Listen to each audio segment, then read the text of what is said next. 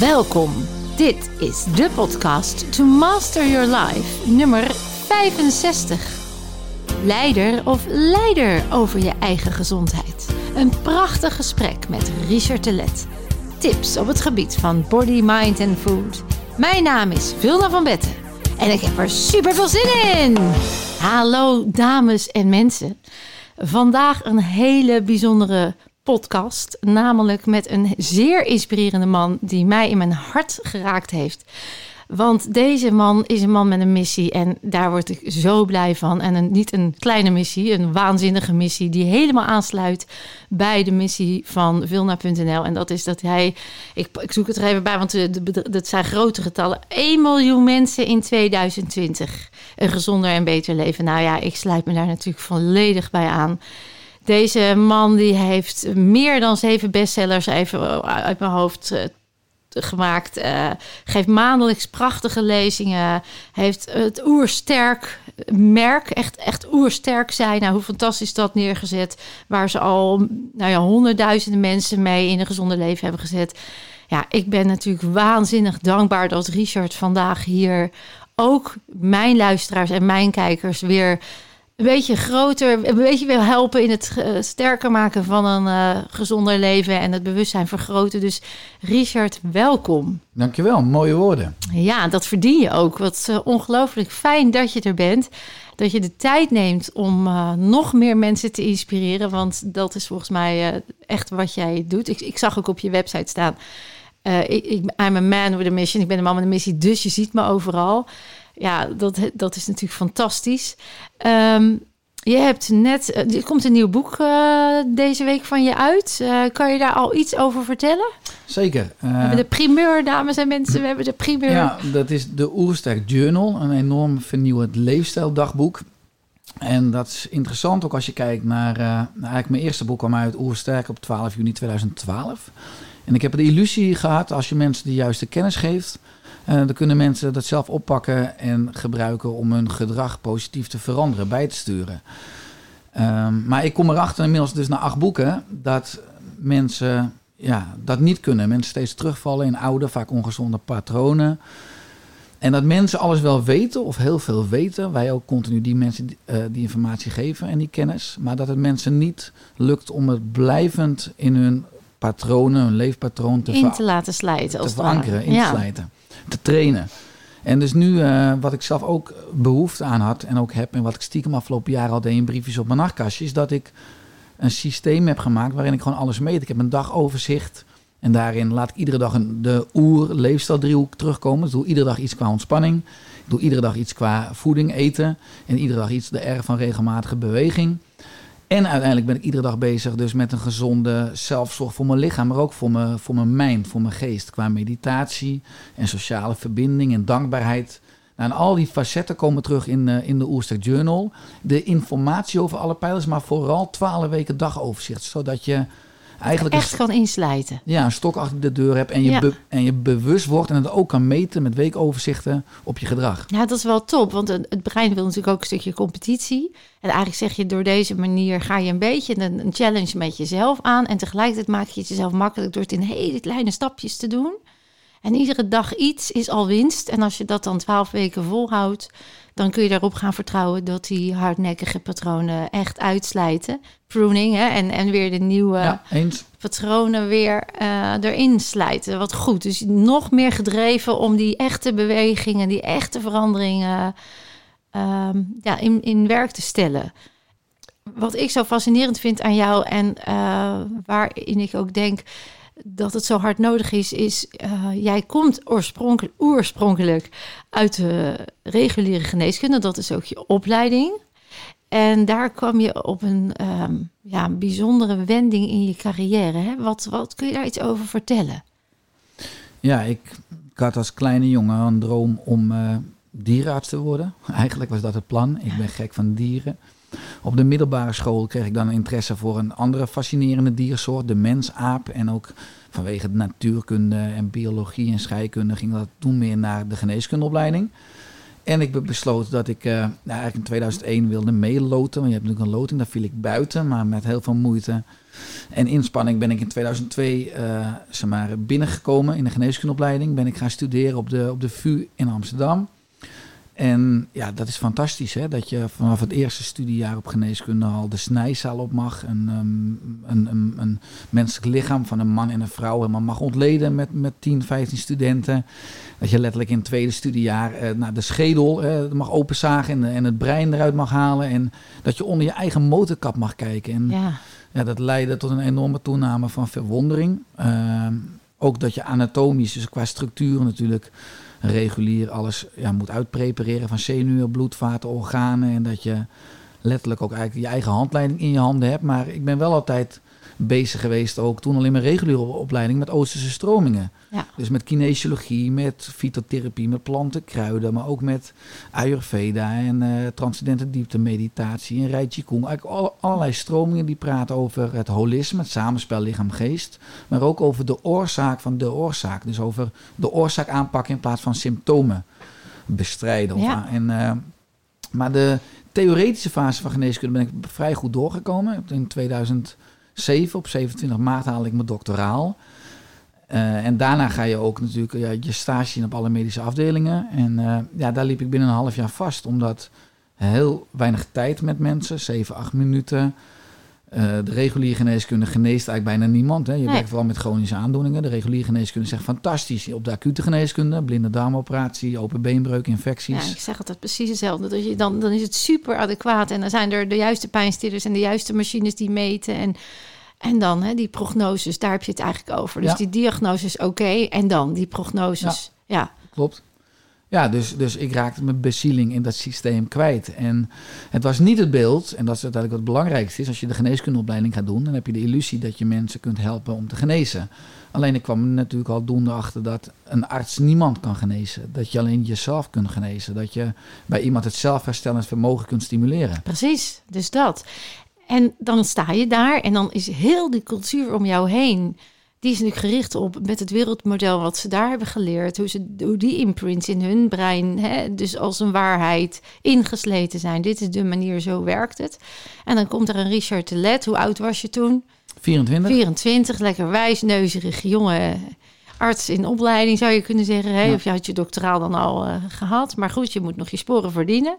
En dan uh, zeg jij gewoon, nou jongens, na een half jaar ja, dat is. Uh, ik heb daar ook wel eens naar teruggedenkt. Want ik ben daar in een enorme afwijking geweest. Want als je de geneeskundeopleiding doet, heb je eigenlijk geen plan B. Je hebt een rode loper. Je bent basisarts. Dan word je drie jaar huisarts of zes jaar medisch specialist. Je kunt onderzoek gaan doen.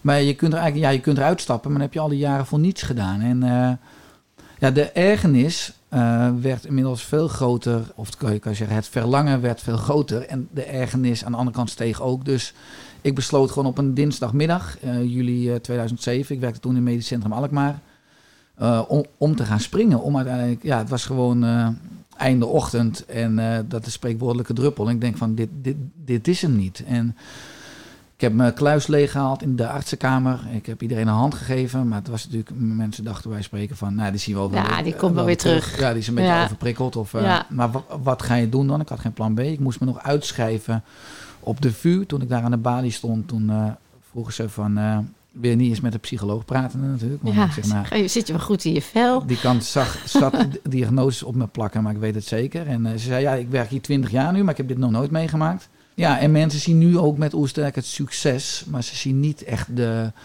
nou, ook de strijd en de moeilijke jaren die ik van 2006 tot 2011 heb, heb gevoeld. Want ik had een droom uh, ik had niemand ook met wie ik kon sparren of kon opbellen die die weg al was voorgegaan. Het is een soort mentor waar, waar ik van kon leren.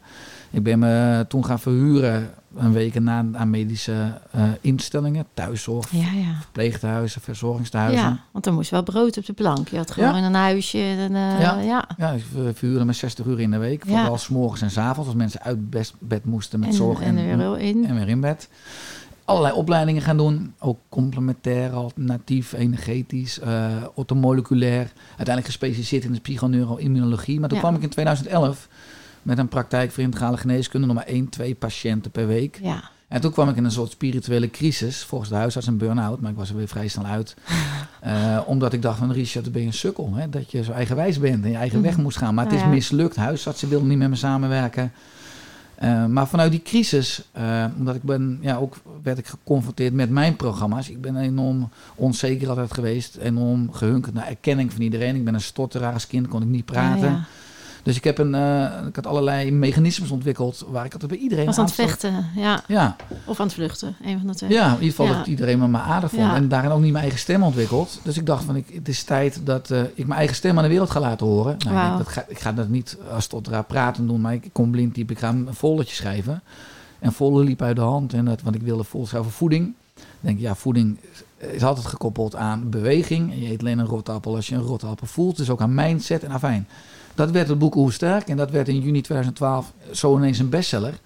Ja, en toen is, ja, toen, vanaf toen is het eigenlijk pas gaan rollen. Gaan rollen toen jij je stem liet horen. Ja. Kijk, en dan komen we natuurlijk precies op dat deel waar ik natuurlijk in, hè, mega uh, resultaten in boek. En dat is dus op het moment dat jij in je onbewuste nog dat programma draait. Hè, van uh, ik, mijn stem mag niet gehoord worden. Of als ik iets zeg, dan vinden ze het stom. Of ik, ik uh, moet hakkelend overkomen, want ik moet veiligheid kiezen voordat ik afgewezen word. Al die inducties, al die suggesties die als jong jongetje bij jou erin geplant zijn, bewust, onbewust.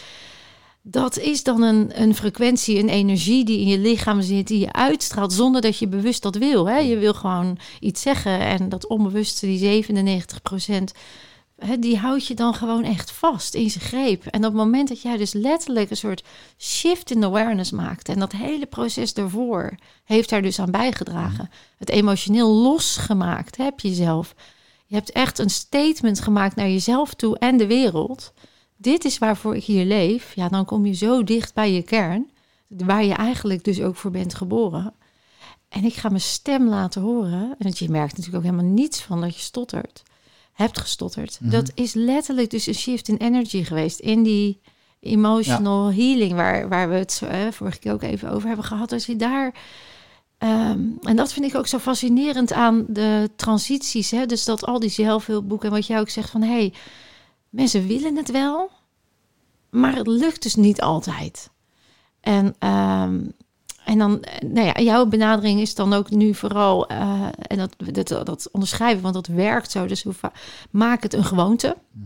En dan slijt het in enzovoort. Hoe sta je over die, tegenover die die onbewuste blokkades die er nog zitten, hoe, hoe zit jij daarin? Als ik dit jou vertel, hoe kijk jij daar tegenaan? Ja, je, je moet ze beide aanpakken. Hè? Het is uh, voor mij wat ik verleden keer zei toen je te gast was bij ons in de podcast. Je kan gas geven, maar als de handrem erop staat. Dus ja. uh, bewustzijn is natuurlijk het topje van de ijsberg. En zeker onbewust, en zeker hoe we de eerste zeven jaar als kind geprogrammeerd of geconditioneerd zijn.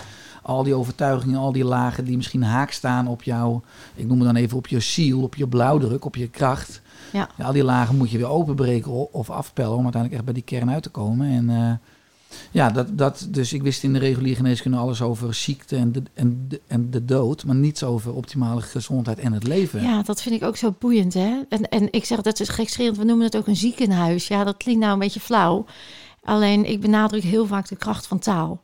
En dat elk woord een neurochemisch e- effect heeft. En ook een stofje aanmaakt. En ook een suggestie doet. En een aanname creëert in je hoofd. Dus als je naar het ziekenhuis gaat, ja, wat doet dat al? Alleen al die suggestie. Zal dat ook het beter woord huis kunnen noemen? Of het gezondheid. Moet ook gebeuren. En dat gaat denk ik ook wel gebeuren in de toekomst. Want die inzichten worden denk ik wel steeds groter. Dat we een foute suggestie of inductie of met meer ja. vakgebied. Inderdaad, het is een verkeerde associatie die we, die we al onbewust imprinten. Ja.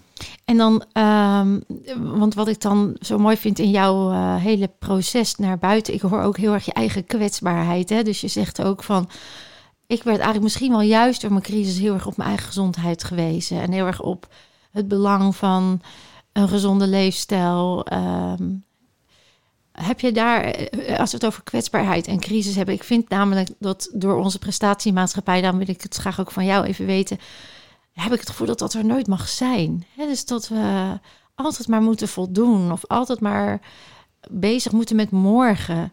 Uh, waardoor we ook vergeten kwetsbaar te zijn, waardoor we ook vergeten te vallen of weer te leren opstaan hoe het anders kan. Jij hebt heel erg die kwetsbaarheid, laat je zien. Is dat een bewuste keuze? Vind je daar iets van, van die kwetsbaarheid? Nou, het is denk ik ook gewoon hoe ik in het leven sta. Ik ben denk ik enorm succesvol, als je het zo zou kunnen betitelen. Omdat ik ontiegelijk veel fouten heb gemaakt. En ontiegelijk veel heb mogen leren. Dus hoe meer fouten je maakt, hoe beter. Want dat zijn allemaal lessen. En ik denk dat we maatschappelijk veel mensen een norm nastreven die ongezond is. En die definitie niet is. Maar wat ook eigenlijk helemaal niet belangrijk is. Het gaat veel meer om je eigen pad en je eigen weg. En dat je het fluisteren van je eigen ziel hoort. En dat je de moed hebt om je eigen pad te gaan volgen. Want daar vind je uiteindelijk het grootste levensgeluk. Maar ook energie en uiteindelijk ook vrijheid. Nou ja, als we het dan hebben over de titel van de podcast, hè, leiderschap met een lange ei of leiderschap met een korte ei, over je eigen gezondheid. Dus welke kies je, uh, als het dan een keuze is? Hoe ehm, vind je dat deze maatschappij gaat over de lange ei? Ja, als je niet proactief regie voert of vanuit je mensbrein leeft, noem ik dat, dan word je leider met lange ei. Welvaartsziektes zijn op dit moment in Nederland en België doodsoorzaak nummer één, de meeste zorgkosten. Uh, en dan kom je natuurlijk uit op body en mind. Ja. Nou, ik, uh, en zeker als je kijkt naar, we hebben gewoon allerlei evolutionaire erfenissen, instincten. We hebben voorkeur voor zoet, voorkeur voor zitten, voorkeur voor prikkels, voor schermpjes. Allemaal voordelig in de oorspronkelijke omgeving. We hebben ook een, een hunkering naar erkenning. Hè, als je kijkt naar, uh, ja. maar dat was ook aanpassen. Je moest je altijd aanpassen, je moest in de groep blijven. Ja. Maar in de moderne onnatuurlijke leefomgeving keren die instincten zich tegen ons. Hè. We eten te veel, we zitten te veel, we zijn overprikkeld door schermpjes, we slapen te weinig, we hebben te weinig... Het, het, vet, zout en zoet is altijd voorhanden. Hè, waar je, Overal. Dus toen was het nodig om het af en toe te nemen in die oertijd, omdat je dan weer even voorraad had. Ja, dus er is een voorkeur eigenlijk op zoet en vet, omdat dat hoog energetische smaken zijn. Dus daar hebben we een voorkeur voor ontwikkeld. Want als je die proeft in de oeromgeving, moest je zoveel mogelijk van eten. Ja, want dan wist je dat je weer vooruit ja, kon. En nu wordt eigenlijk dat instinct gekaapt door de voedingsindustrie. Hmm. Die ons dat overal aanbiedt bij benzinepompen en bij, bij pretparken en, en bij uh, sportkantines. Nou, uh, als je in de rij staat, gewoon bij, bij, bij de supermarkt. Ja. Dus ja. dus je moet, als je leider wil zijn met een korte ei, dan moet je ten eerste denk ik beginnen met wat maakt mij gelukkig? Wat vind ik belangrijk? Uh, wat is mijn blauwdruk? Uh, wat wil ik in dit leven toevoegen? Wat wil ik toevoegen aan het grote geheel? Ja, die zingeving die onderschatten mensen ook, hè? Ja, dat is de, ja. dat is de, be, de bezieling en dat is de vonk in de motor. En een gezonde leeftijd levert puur brandstof op. Maar in welke motorgroep, als mensen goed zijn in zelfafwijzing of zelfhaat, ja, dan wil je niet per se enorm investeren in gezonde leefstijl. Dan krijg je meer energie en dan ga je jezelf beter Dus het begint altijd bij, uh, bij zingeving, bij een levensdoel. Ja. Ook bij misschien bij het aanpakken van uh, die overtuigingen, maar veel meer in de basis jezelf weer zijn. Hè? Uiteindelijk word je zo geboren. Ja. Uh, en die gezonde leefstijl, waar ik mensen heel erg informeer en stimuleer. Hoewel ik probeer heel erg mensen te begeleiden in die levenslange training, wat leidt tot beheersing. Absoluut. Uh, maar als je dat combineert met bezieling, dan heb je 1 plus 1 is 3. Ja. En uh, dus jij zegt om leider met korte ei te zijn, begint het eigenlijk met geef je leven zin. Dus maak jezelf een, een waardevol iemand, hè, zodat je ook waarde kan toevoegen. En dat hoeft echt niet te zijn dat je een goeroe moet worden of dat je ergens succesvol in moet worden. Dat kan niet heel klein zijn. Um, wat voor jou in ieder geval zingeving is. Ik moet dan heel erg denken aan het verhaal van, ik weet niet of jij dat kent, van Viktor Frankl, uh, The Meaning of Life. Ja. Een psychotherapeut die natuurlijk uh, in Dachau en in, in, uh, nou ja, in een concentratiekamp zijn vrouw heeft verloren. Zijn vrouw heeft abortus moeten plegen. De ene drama naar het andere zag. En hij was ongelooflijk geboeid door wat is nou hetgene waardoor de mensen, we maken allemaal hetzelfde mee, hè, maar waarom gaan deze nou eerder dood en, en waarom houden deze het vol? Um, ja, en hij ontdekte eigenlijk de meaning of life, dus dat je, uh, hij ging met die mensen in gesprek, hij ging dat uitvragen, ging dat onderzoeken. Hij heeft er nog jarenlang prachtige lezingen over gegeven, dat op het moment ontdekte hij dat als mensen meaning, hè, dus zin gaven aan hun leven. Dus ergens nog buiten het concentratiekamp wisten als ik straks vrijkom, dan. Betekenis, ja. Betekenis, dat is het. Dat dan mensen wel weer levenskracht kregen en weer uh, waarde toevoegden aan hun eigen leven. En dat dat dus een enorme onderschatte kracht is. Hè? Dat mensen die leidend door het leven gaan, dus het overkomt ze allemaal. En er komt weer ziekte op een pad en er komt weer een pil in. En dan weer de volgende. Uh, want het hele mechanisme wordt daardoor op zijn kop gezet. Dus er komt weer een volgende ziekte overheen enzovoort. En dan zeggen, ja, wat heeft het leven eigenlijk nog voor zin? En die energie komen we dan in. Terwijl juist dan, op het diepste punt, zou je kunnen zeggen, pak die zingeving op. Dat, hè, dus leiderschap met een lang kort ei zeg je Ja. eerst die zingeving. Ja. ja, hij liet dus zien dat mensen alles van je kunnen afpakken. Ook wat hij ervaarde in het concentratiekamp. Maar dat mensen niet de regeltjes in je eigen hoofd kunnen afpakken. Die, be- die, be- die bepaal je helemaal zelf. En eh, Ja, die hebben een, een radicale uitwerking op je kwaliteit van leven. Absoluut. Dus die zingeving, dat is echt. Ga daarvoor, zou je kunnen zeggen. En als je hem nog niet meteen weet. Ik weet dat eh, Stephen Covey heeft zo'n eh, van als je aan het einde van je leven staat en je kijkt terug. eh, wat heb je dan? Waar heb je dan plezier aan gehad? Wat, wat, geeft, wat heeft je zin gegeven?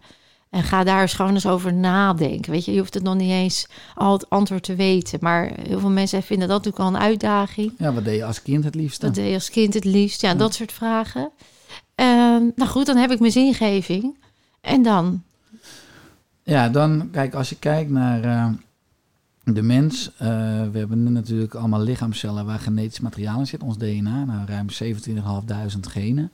En Ja, die genen zijn Waanzinnig. ontwikkeld in die ja, oorspronkelijke oeromgeving. En die hebben bepaalde natuurlijke noodzaken, laat ik het zo dan noemen. En eh, die, die, die, die- dat kunnen we onze genen geven eigenlijk met ons gedrag. Hè? Want de epigenetica is veel belangrijker dan de genetica. Dus alles wat we eten, drinken, denken, doen, slapen, ver- eh, verbinden, dat praat met onze genen. Kan ons sterker of zwakker maken. En ik heb heel erg dus een voorstander van de, van de oerleefstijldriehoek. Dus met beweging en met voeding en met ontspanning kan je ervoor zorgen dat je lichaam eigenlijk datgene krijgt wat het zoekt. En het lichaam heeft heel veel acute stress nodig. Ja. En Heel veel mensen denken dat stress slecht is, maar chronische stress maakt alles zwakker. Maar acute stress, dat, dat maakt je veel gezonder en veel flexibeler. En eh, dat is dus bijvoorbeeld als je kijkt op niveau van ontspanning, eh, ademhaling, eh, koude douche, maar ook gewoon voldoende slaap. Een meditatie trouwens ook. Eh, als je kijkt naar eten, 500 gram groente per dag. Ja, Nuchter bewegen voor je eerste Voor je eten, die Ja. spijsvertering op gang zetten. Alles aanzetten eerst voordat je gaat eten, voordat je gaat vullen. Ja, ook juist minder vaak eten. Hè? Ja. Eh, intermittent fasting. Ja, en dan in bulken. Hè? Dus eh, dat is echt ook vanuit de Ayurveda, dat zal je ook nog wel weten. En die zeggen echt van om de vier uur minimaal. Want eh, dat vond ik zo'n mooie theorie. Dat was voor mij zo'n eye-opener. Eh, als je het in je mond stopt, dat elke cel in jouw mond, elke intelligentie, die weet op dat moment wat hij moet gaan produceren, welke enzymen, welke, om dan weer eh, naar de volgende fase te gaan. Dus die, die voegt gewoon echt toe wat nodig is om te verteren. En dat weet elk deel van je lichaam, weet dat. Nou, stel dat je nog ergens hier hangt, hè, dat die voeding nog ergens bij je maag zit, of nog niet eens in je maag, en jij gaat alweer vullen. Dan zijn er twee systemen die tegelijkertijd actief moeten worden. En dat is eigenlijk overbelastend eerder dan dat je echt zegt: nee, doe maar even wat, je nodig, wat nodig is om te verteren. En dan pas, als alles weer eruit is, dan naar beneden is gezegd, dan pas kan er weer wat in. Want dan kunnen die met alle aandacht weer doen. Ja. Toch? Ja, dat, absoluut. dat heb ik in de Ayurveda in ieder geval geleerd. Dat vond ik een waanzinnige eye-opener. Maar dat is volgens mij ook wat jij bedoelt. Ja, klopt. En eh, energie kan twee kanten op gaan, naar opbouw of afbraak. En eh, zeker als je kijkt naar eh, opbouwen, dat gebeurt vooral van alle structuren ook als we niet eten. Dus inderdaad gaat heel veel energie naar de spijsvertering en spijsverteringsprocessen. En er zit een enorme oneindige wijsheid, hè, dat alles gewoon functioneert. Ja, Ehm, maar dat kost heel veel energie. En juist als je daarna een tijdje niet eet, dan kunnen die bouwstenen ook op de juiste plekken ingebouwd worden. En, exact dat. ja, en dat gebeurt niet als je gelijk weer gaat eten. Ja, dus eigenlijk zeg jij eh, in bulken eten, in bulken drinken. Ja, dus eet en drink minder vaak. Als je eet of drinkt, kan je be- best veel eten en drinken. Maar dan wel in één keer. Ja, we, hebben, we kunnen honderd dagen zonder voeding. Ja, best grappig als mensen zeggen, ik moet iedere twee uur iets eten. Dat is natuurlijk als, we, als er, nou ja, gelukkig niet, maar oorlog uitbreekt en we moeten rennen of vluchten. Normaal kunnen mensen honderd dagen, en sommige mensen nog veel langer, eh, gewoon zonder voedsel. Dus we hebben zoveel energie verpakt in ons, in glycogeen, in spieren en lever, in vetcellen. ja. In nood kunnen we ook eiwitten en onze, nou, letterlijk onze organen allemaal op gaan eten. Eh, maar ja, we kunnen veel langer zonder voeding dan zonder water. En eh, als je minder vaak eet, dan leidt het ook tot veel meer energie en focus. Nou ja, dan heb je energie over, zou je kunnen zeggen. Hè? Er zijn eh, zelfs mensen die op de lucht leven. Nou ja, daar kun je natuurlijk wel eens van vinden. Maar dat het kan, Ja. geeft al aan dat dat dus kennelijk... En die, die mensen, die heb ik dan ook gesproken, die zeggen ook allemaal... ik heb zoveel energie over. Terwijl je denkt, ja, maar van voeding krijg je energie. Dus dat, Dat zijn je bouwstoffen, je voedingsstoffen. Maar die hebben dus de mindset, hè, dat is interessant. Lucht geeft mij alles. Nou ja, Mm. goed, dat even terzijde. Dat is interessant. Ja. Maar wat ik, ehm, wat ik dan ook nog eh, boeiend vind, is dat je op een gegeven moment zegt, hè, dus alles is, is energie. Het kost ook allemaal energie. Dus drink in bulken. Ik ben ooit eens verwonderd geraakt ehm, toen die, er was een aardbeving of een arme plek in de wereld. Ik weet even niet meer waar die precies was. Een aantal jaar geleden alweer. En er lagen mensen acht dagen onder het puin. En er werd dus gezegd, nou ja, weet je, er zijn geen overlevenden meer, want die, je kan niet eh, zonder water en zonder. En die kwamen er levend uit. Hè, die zijn teruggevonden en die leefden nog. En de theorie die daarbij was, was deze mensen zijn zo gewend, hun lichaam is zo gewend om met niets te overleven.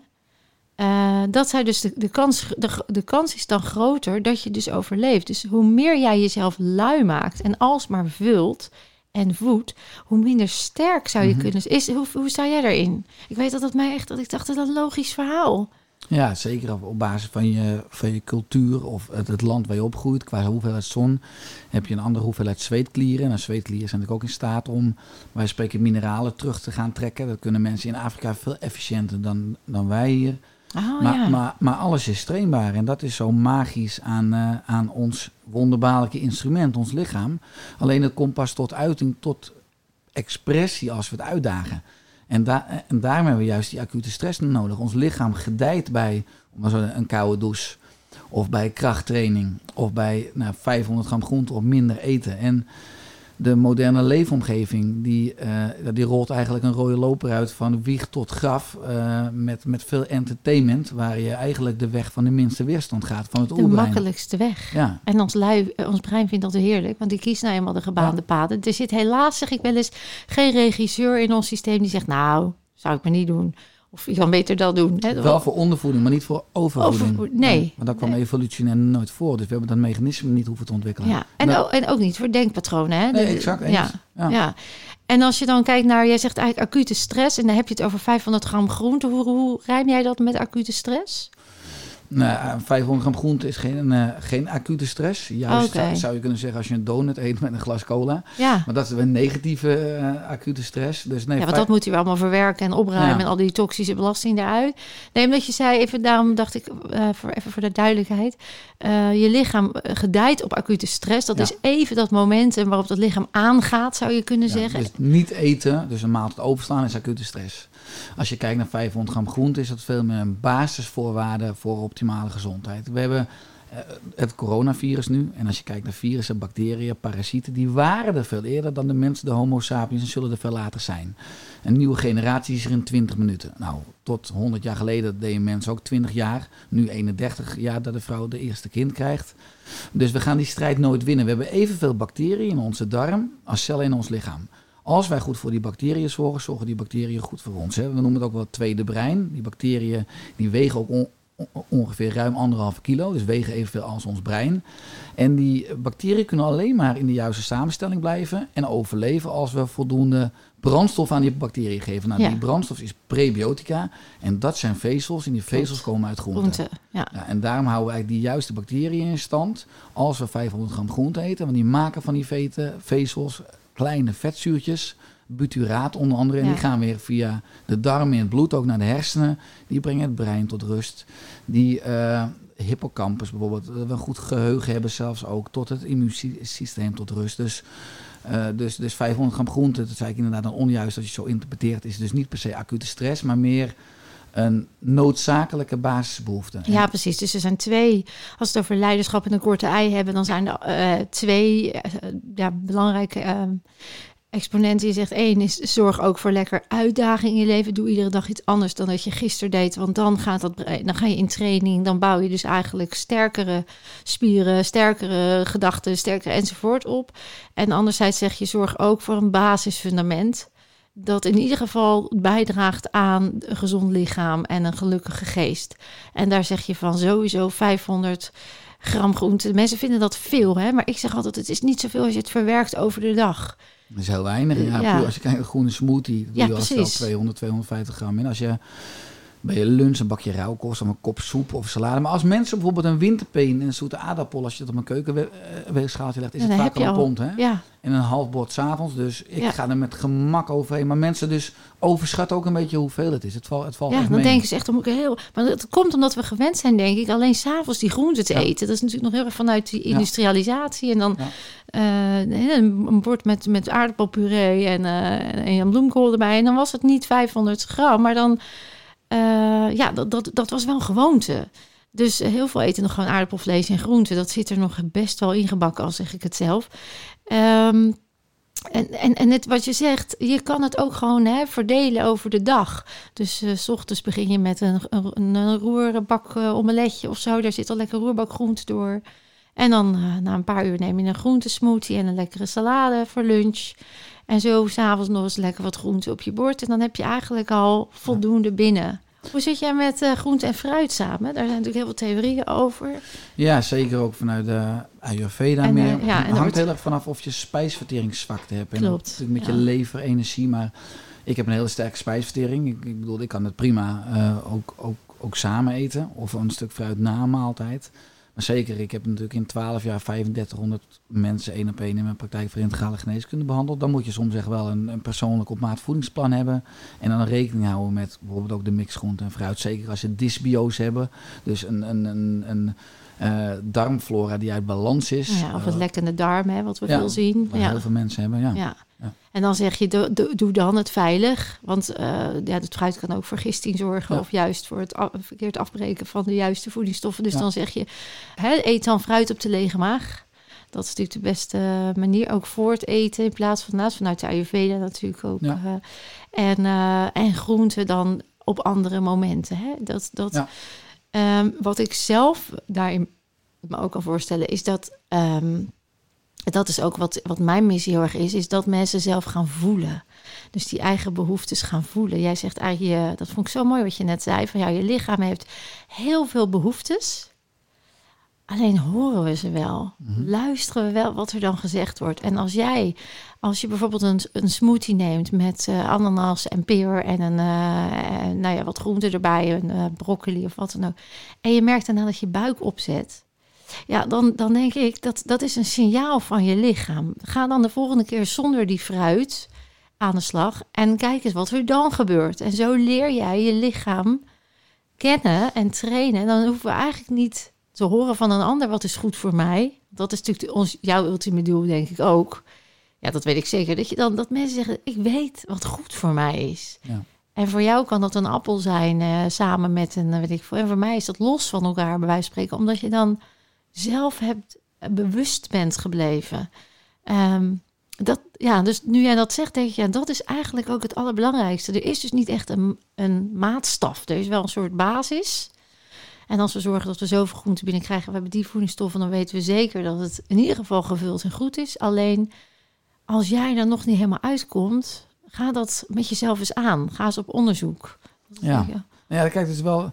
Het lichaam geeft alle antwoorden. Dus als je Ja, enorm ontwikkeld lichaamsbewustzijn hebt, dan voel je prima aan, letterlijk van ieder voedingsmiddel. Omdat je gelijk als je het inneemt al wat moeier wordt. Dus dat kan je gewoon waarnemen. Of inderdaad dat je buik erop reageert. Of je hele autonome zenuwstelsel reageert erop. Dus het kunnen heel veel verschillende subtiele signalen zijn. Alleen de meeste mensen die nemen het niet meer waar. En dat is eigenlijk omdat het leven van de mensen uit balans is. En in mijn optiek kom je dan weer bij ons brein en ook bijvoorbeeld bij de kracht van meditatie.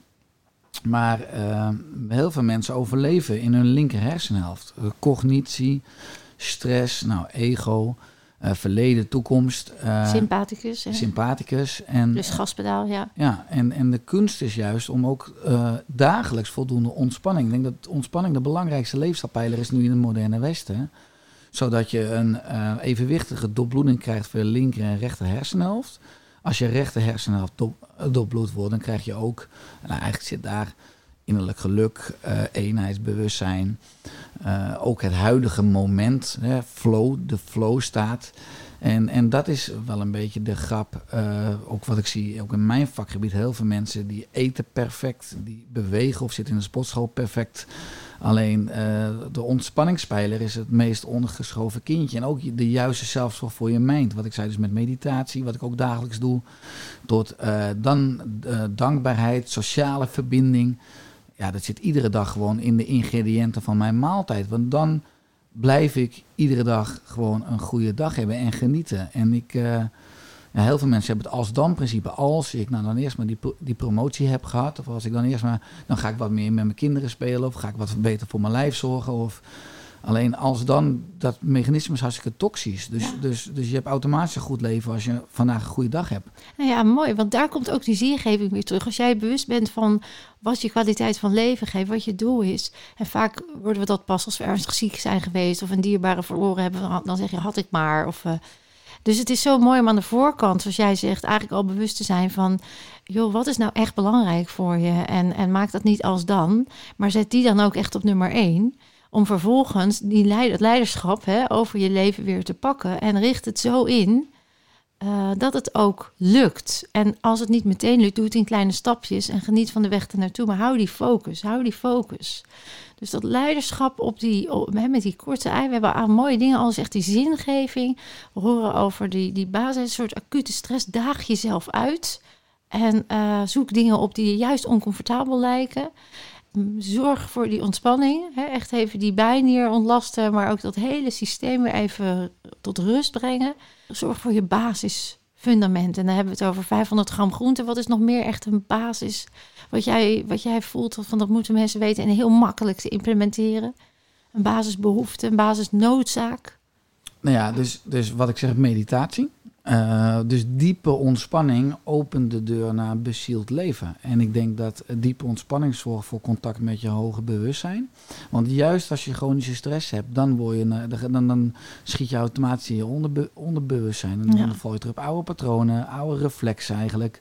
En wil je dus leiding nemen over je gedrag, dan moet je je bewustzijn van wat je systeem wil doen, reflexmatig instinctief. Ja. Uh, en dan moet je dus, dus de juiste doorbloeding hebben van die linker en rechts. Nou, dus 500 gram groente, meditatie. Uh, maar ook uh, ja, wandelen. Hè? Het klinkt maar zeker als je mm. wandelt buiten met iemand waar je energie van krijgt. Nou, dat is een magisch medicijn. Ja. Dat is een drietrapsraket. Dan heb je en beweging. Dan kan ik weer een uur praten welke stofjes je spiercellen aanmaken. Hoe dat ook uh, stimuleert voor neuroplasticiteit. Dus nieuwe verbindingen in je brein. Uh, ook de juiste dus met mensen waar je energie van krijgt. Buiten, hè, alle etherische genezende oliën die je al binnenkrijgt via de natuur, via planten, bast. Al die energie die van die... Uh, het hele energieveld waar, waar, je in loopt en wat oplaat, eh, dat is gewoon een magisch medicijn. Weet je wat ik altijd zo cool vind met kinderen? Die laten dat nog zo zien. Mijn zoontje ging altijd op de grond liggen. Dan gaat hij gewoon zich opladen, zei ik altijd. Ja. En we hebben twee honden. En als die kinderen even een beetje... Dan gaan ze aan die honden zitten. Die laden hun op. Dus die energie is geweldig. In Aarding, ja. Aarding, hè. Dus contact houden. We moeten ook met blote voeten lopen, hè, zou je kunnen zeggen. Dat, uh, Zeker. Dan houden we die energie van die aarde vast. Ja. Um, ik heb ooit een podcast opgenomen, Richard. Dan ben ik nog even benieuwd naar jouw uh, mening daarover. En dat is uh, stress is je vriend. En dan heb ik het over meer dan acute stress. Dan heb ik het ook over uh, mensen die chronisch stress zouden hebben, maar het dan niet ervaren als stress. Uh, en dat lichaam dus ook niet zo reageert. Er zijn heel veel onderzoeken naar geweest. En een daarvan uh, uit onderzoek is voortgekomen dat die mensen dus stress echt werkelijk zien als een vriend. Dus die hebben een mind over matter, zou je kunnen zeggen. Die zeggen van, ja, joh, alles wat mij wat heftig is en wat uit, dat vind ik te gek. Hè? Dat vind ik heerlijk. Hoe meer, hoe beter. En nou ja, die hebben ze dus aan allerlei scans en, en uh, apparaten gelegd. En wat blijkt? Nou, die hebben dus niet die, die cortisol, adrenaline, uh, uitputting, die, die hele, nou ja, dat hele gedoe, zeg maar. Hoe zit je daarin? Dat mind over matter. Want dit is, ik zeg ook altijd, ik geloof in mind over matter. Ik weet ook dat het kan. Ik weet ook dat het klopt. Alleen als je nog niet helemaal zeker weet of je het beheerst, doe dan sowieso die basisprincipes eh, toepassen in je leven. Want dan weet je zeker dat je mhm. goed bezig bent als basis. Maar hoe zit jij daarin? Ja, dan, nee, ik denk dat het waar is. In onze opleiding hebben we ook de driehoek body, mind, business. Maar zeker wat je zegt, uh, body, mind. Het lichaam is uh, voor een groot deel uh, een, een, concentraat bijna van je geest. En ja, daar ligt enorm veel macht, omdat je met je gedachten ook de gevoeligheid van receptoren kunt beïnvloeden voor cortisol, uh, voor leptine, voor insuline, belangrijke sleutelhormonen in het lichaam. En dat je, ja, alles is perceptie natuurlijk. En dat je met je perceptie en met je bewustzijn een hele andere, eigenlijk is een soort reframing al, een hele andere conditionering krijgt. En eh, ik geloof wel, zeker ook gewoon als je kijkt nu in de topsport, dat er veel meer aandacht komt voor. Kijk, die inspanning of die stress is op de lange termijn niet negatief als je ook voldoende oplaadmomenten en ontspanning Exact. ertussen hebt. Ook dat, ja. En dan word je uiteindelijk gewoon steeds sterker. Ja, ja, dus het is een beetje de mix. Ga, ga ook daarin lekker met jezelf eens experimenteren. Hè? Als je Ja. merkt dat het je energie kost, dan ben je nog niet mind over matter, zou je kunnen zeggen. En als je merkt van, ja, ik kan dat, hè? ik voel ook in mijn lichaam dat het goed zit. Ja, dan kan je daar ook andere stappen. Dan kun je je leefstijl daar weer op aanpassen. Dat, eh, ja, even nog leiderschap. Leiderschap, hè? lange ei, korte ei.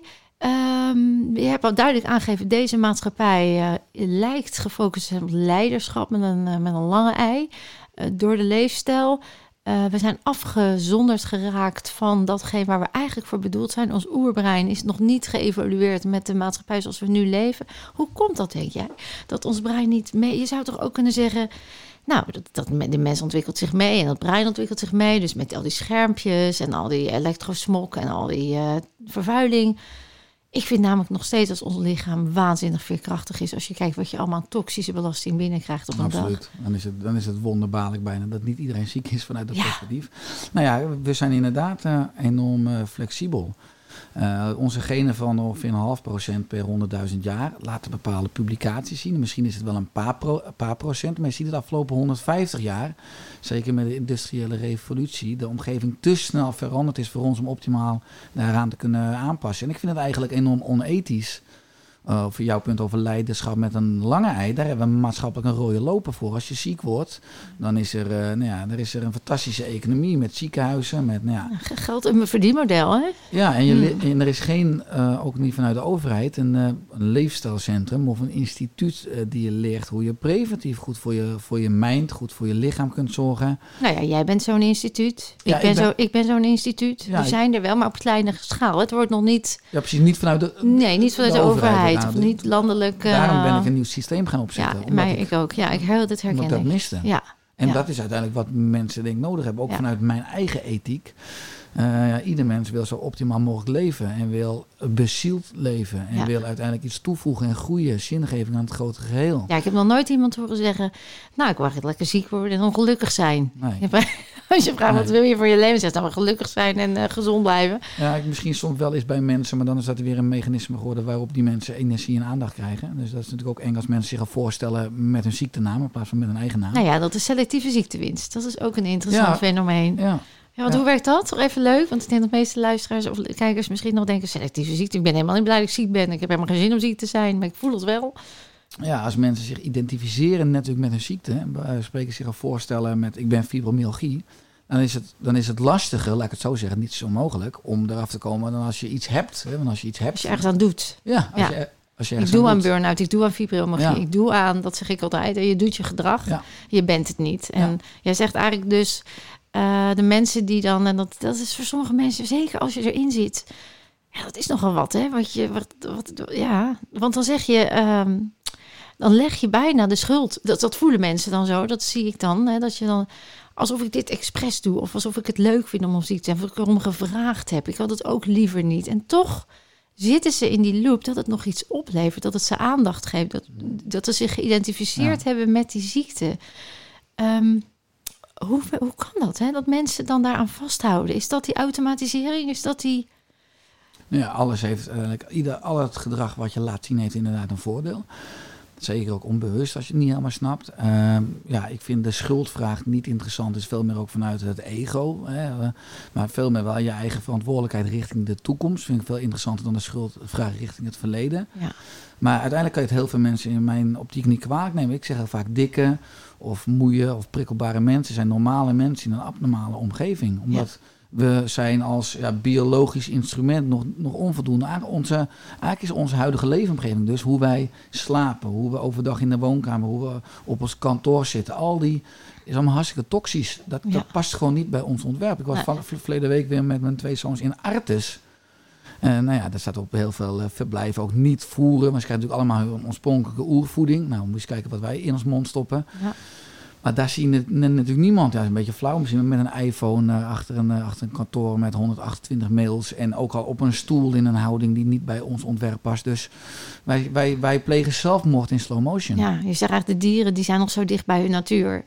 Die zullen zichzelf, die worden niet te dik, hè? Die, worden, die slapen op tijd. En die, Nou ja, ja, precies. Ja. Maar als je alle hokken openbreekt van Artes en je laat al die dieren drie maanden in, Am- in Amsterdam vrijlopen. die gaan ook voor zout, eh, vet en zoet. Die zijn ook binnen drie maanden Ja. eh, obese en depressief Ja, eh, en ziek. En dat vinden we bij dieren dan heel logisch. ja maar- bij dieren zorgen we zorgen goed voor de dieren, Ja. maar niet voor onszelf dan. Nee, we zijn vergeten dat we zelf ook dus een dier, een mensdier zijn. Ja. Maar dat onze stofwisseling eh, ja, bij de identiek werkt als, als andere zoogdieren. Ja, en die neocortex, echt dat mensenbrein, dat derde laag, die is eigenlijk degene die ons in de weg zit, zou je kunnen zitten, eh, zeggen. Want mijn vraag was, hoe, hè, die evolutie, hoe kan het nou dat wij niet, dat het, dat het dus kennelijk niet zo snel meebewegen? We hebben wel een mensenbrein ontwikkeld, die kan denken en die kan reflecteren en die kan oorzaak-gevolg. En dat hebben dieren dan allemaal niet zo. Eh, een aantal misschien een beetje, maar de meeste niet.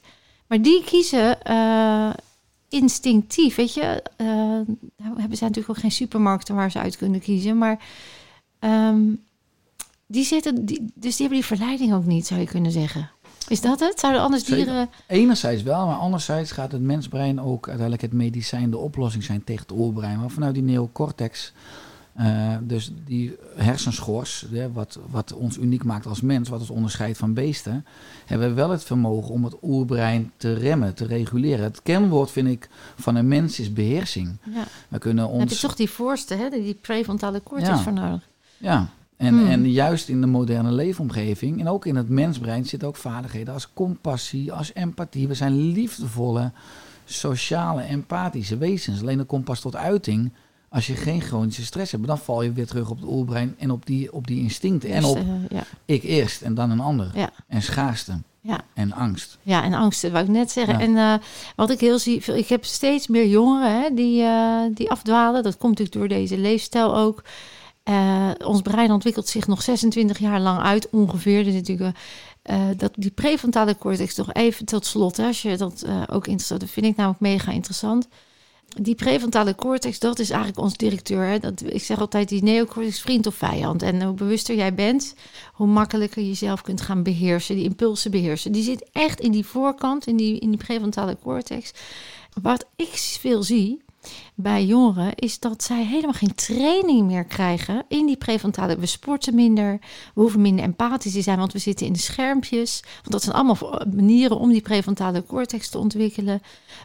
Ze verstoppen zich in drugs of in wiet of in wat ook remt op de prefrontale cortex.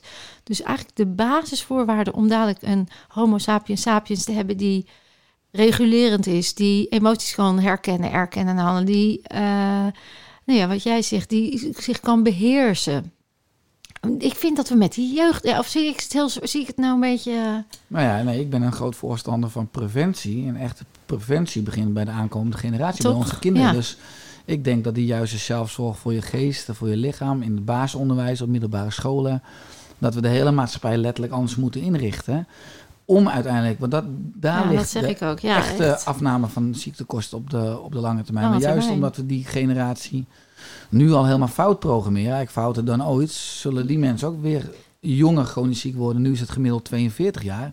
En die, eh, die leeftijd waarop mensen chronisch ziek worden, zal in de huidige generatie alleen maar naar voren toe Nee, lopen. ja, je kinderen overleven ouders niet meer, Klopt. situatie. En In Amerika is het al zo. Is ja. dat al zo? En dan denk ik van, eigenlijk zijn we de mensen eh, in leven aan het houden. eh, want ze, ze worden gewoon eerder ziek. En we leven dan misschien wel langer, maar hoe? En de kwaliteit van leven en met wat voor toestanden en, en kosten. En, Ja, maar wat ik zo'n mooie spreuk vind is, de natuur veroordeelt niet. nee. Maar werkt wel met natuurlijke feedback. De consequentie is dat we signalen krijgen. In de geneeskunde noemen we dat klachten. Maar eigenlijk is een signaal een, een soort vriendmechanisme. Eh, die je wil laten weten dat je iets mag bijsturen in je leefpatroon. En dat is weer opgebouwd uit het eetpatroon, het zitpatroon, beweegpatroon, ontspan, slaappatroon. Maar ook vooral je denkpatroon. En als je die patronen gaat bijsturen, dan zijn die signalen niet meer nodig. En Precies. dat is dus wat je net noemde ook, hoe je je prognose, maar het liefst nog preventief, Ja. hoe je je kwaliteit van Ja, leven gewoon radicaal zelf kunt sturen. En dat begint natuurlijk hoe jonger, hè, hoe meer je dat insluit, hoe meer gewoond. Ik moet altijd denken aan, eh hoe heet ze, die eh, Duitse koers, Duitse Kroes. Die heeft ook helemaal geen behoefte aan, die leeft heel gezond. Hè. Die, ze maar ik kreeg dat vanaf jongs af aan ook gewoon opgediend. Hè. Dus zij zegt ook, ik heb geen suikerverslaving of ik heb geen verleidingen. Want het is geen behoefte in mij die ik aan heb gewend of aan heb geleerd. Dus hoe makkelijker je jezelf maakt, hoe jonger je, hè, hoe jonger je begint. Als je in die omgeving opgroeit, is het natuurlijk fantastisch. Is dan, dan weet ja. je niet anders. Hoe doe jij dat met jouw kinderen? Want we komen op feestjes en we komen, ze komen op bij de Pasen, bij opa en oma met een chocoladepaashaas. En Ja. Hoe doe je dat? Ja, vind ik verdomd lastig. Ja. Omdat eh, ja, thuis doen we de basis goed. En dat hebben we de eerste jaren met Noah, die, eh, die wordt eh, nu tien in juni. Oh ja, dus dat wordt ook zo'n leuke leeftijd. ja, James is anderhalf, dus Oh ja. daar heb je nog heel veel controle over. Ja, Maar zeker ook dat ja, als je op een gegeven moment op school bent met tractaties. Ik heb gelukkig dan op zijn school ook een lezing voor alle ouders mogen houden oh, over wat voeding. goed. Was, waren niet alle ouders blij mee overigens. Maar Want? Nou ja, bijvoorbeeld na mijn lezing heeft de school besloten om ieder kind een bidon te geven. Dus er mag alleen nog maar water op de, op de basisschool. En eh, Ja. eh, echt ouders kwijt, eh, kwa- kwaad waren dat ik indirect bepaald heb dat ze geen frisdrank of, of, of, of vruchtensappen meer aan hun kind mogen geven. Omdat zij dat bepalen en ik niet. Oh, dus dan komt die eigen wil, die eigen vrije wil. Ja, ja, Heel dat- grappig is dat dan toch, hè? Dat dan toch dat hogere belang. Het is toch dat korte termijn denken. Van ik wil gewoon mijn kind een frisdrankje. Ah, dat hoor ik ook vaak terug. Ah joh, dat ene chocolaatje, wat maakt dat nou uit? Mm. Of die ene wikkie op een dag. Ze bewegen toch. Ze zijn toch verder gezond. Hij heeft ook een appel gegeten. Toch? Dat zijn... eh, Ja, maar, eh, kijk, ik, ja, ik ben wel wat radicaler gelukkig ook dan mijn vrouw zelf. Want ik zie helemaal de toevoeging niet van het ene, ding, de ene dingetje. En wij, Ja. wij hebben persoonlijk ook zelf echt wel een uitdaging met ouders en grootouders en broers, zussen. Die, die ook allerlei oerzwak voedsel, laat, laat ik zo zeggen, dan af en toe de schutting overgooien. En eh, ik denk dan toch als je hem breder gaat trekken en ik ook gewoon zorg voor, eh, ik bedoel, ik ben ook zijn trainer en leider met voetbal. Dus we staan een paar keer per week op het veld. Eh, we hebben een trampoline in de achtertuin, we hebben eigen kippen. We hebben enorm veel lol, we lachen enorm veel. Ja, dan kan je dat suiker prima compenseren. Maar ik denk dat het wel een verantwoordelijkheid is die we als maatschappij hebben. En, en eh, ja, we hebben allerlei toxische koppelingen, ook van Sint Maarten of verjaardag. Ik bedoel, in mijn eerste boek Oersterk 2012 schreef ik al van het is toch wonderbaarlijk dat we het leven vieren op een verjaardag. En je hebt alleen maar voedsel eh, eh, Die je op tafel die, het leven afnemen. ja, ja. Eh, en ja, dat vinden mensen dan heel sterk en grappig. Maar en, en, en vervolgens pakken mensen weer een plak leverworst en, en, En lekker door. en een handje Ja, chips. dat is Dus, ontkenning. En eh, vasthouden aan je oude patronen. Ja. En nog niet eh mee durven, mee willen, want dan moeten ze iets. Dus, ja, eh, je moet ook echt afwijken als je, wat ik ook doe. Ik, eh, ik, als je eigen werkt, dan moet je zelf vaak nee zeggen. En maar ik heb Ja. daar geen enkel probleem meer mee. En gelukkig Nee. weet, kennen mensen mij ook wel Ja. een beetje. Mensen zijn op Ja, ja, een beetje bang geworden voor Ja, me, dat, maar- maar, oh, ik mag zeker dit nu niet e- Ja. eten. Maar goed, die van tien, die begint nu een soort wereldmodel te ontwikkelen daar zo naar buiten. Er gaan naar feestjes, er wordt chips, er wordt van alles. Eh, Ja, ik heb, er niet, ik heb daar heel weinig stress van. Ja, ik ga Ja. regelmatig mee naar eh, lezingen. Eh, ook in mijn, in mijn opleiding is in Heemskerk. In eh, Château Marquette. Daar zijn we 60 dagen per jaar. Dus Ja. hij komt ook regelmatig lekker aan fietsen. En dan hoorde hij ook andere docenten. dan krijgt het lekker allemaal mee zo. Ja, dat, dat denk ik ook. Ja. Al die zaadjes worden, worden geplant. Maar hij leidt wel zijn eigen leven. Dat respecteer ik wel. Noah, dus mijn oudste zoon, is niet van mij. Hij is van het leven. Ja. En hij mag zijn eigen weg, zijn eigen lessen. En ik wil hem daarin begeleiden. Maar wat ik doe is veel krachtiger dan wat ik zeg. Nou, nou heb ik regelmatig ook wel eh, dat ik hem eventjes ja, wijsgerend dan moet, moet toespreken. Ja. En dat waardeert hij dan ook niet. Dus ja, ik vind het een heel leerzaam proces. Ja. Wat, wat ik het liefst soms denk van eh, laten we gaan emigreren. Gewoon naar een tropisch eiland. Ja. Met alleen maar een natuurlijke omgeving. Want dan kan het 100% goed. Dan zijn die verleidingen er niet. Zijn die verleiding, kan je gewoon alleen maar de juiste keuze maken. Ja. Maar ja, die weg die zal samen ontstaan. Maar ik hou zielsveel van die jongen. En, eh, alleen ik ben wel blij dat, ook, dat ik dan opgegroeid ben in een tijd... Nou, ik moet het doen. Kijk, het enige wat bij mij echt vernacheld is, is mijn gebit. Ik heb mezelf helemaal gereprogrammeerd, maar mijn gebit. Ik heb in, eh, in mijn kinderjaren ook veel te veel chocomelk, frisdranken, snoep. En mijn gebit is gewoon helemaal naar de... eh, Naar de kloten. Naar de kloten. We zijn in Den Haag, dan Ja, mag het. Naar de, ja. naar de En, eh, kloten. maar dat is dus wel, ja, dat, dat, dat baal ik wel. Ik heb aardig al wat ingrepen in mijn, in mijn mondholte Ja. gehad.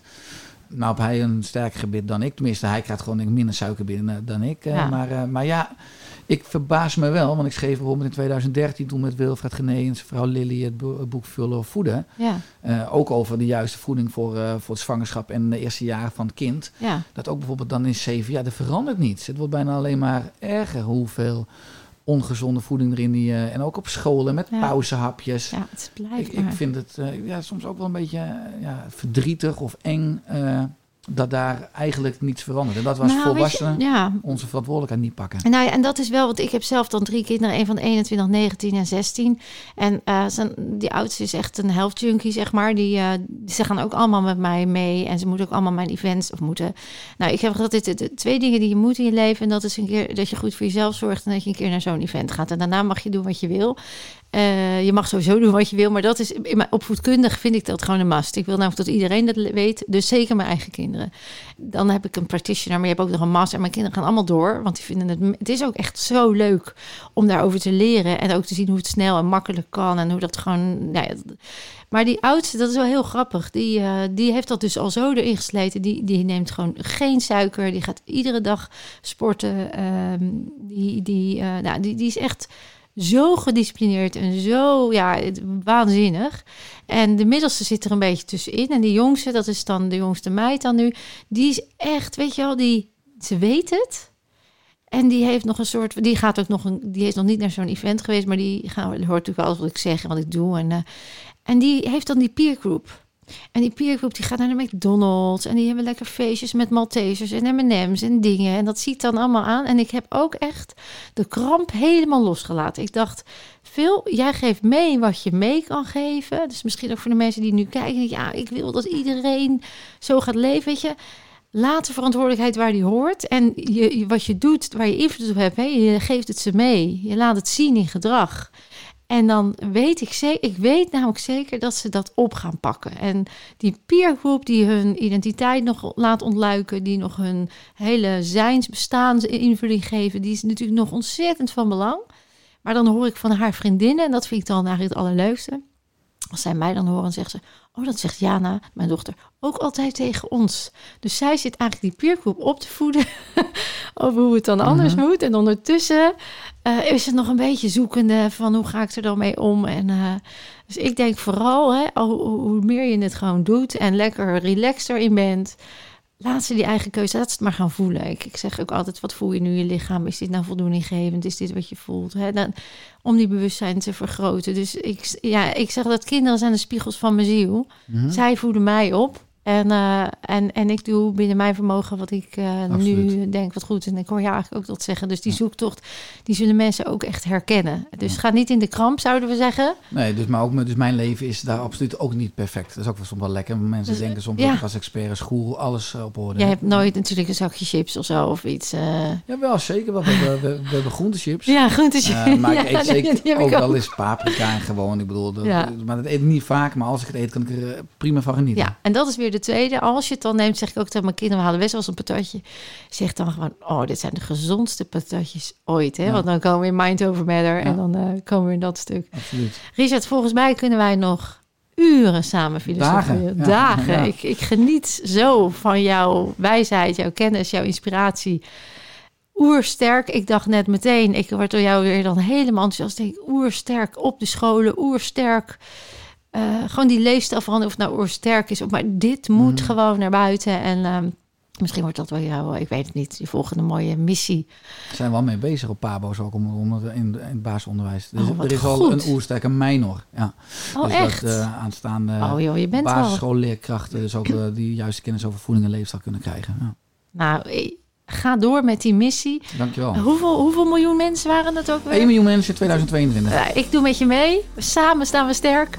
Ik wil je waanzinnig bedanken. We hebben mooi gehoord hoe je leiderschap met korte ei kunt pakken over je leven. Ik zeg uh, dankjewel Richard. En uh, dames en mensen, je weet het. Je kunt meer dan je denkt.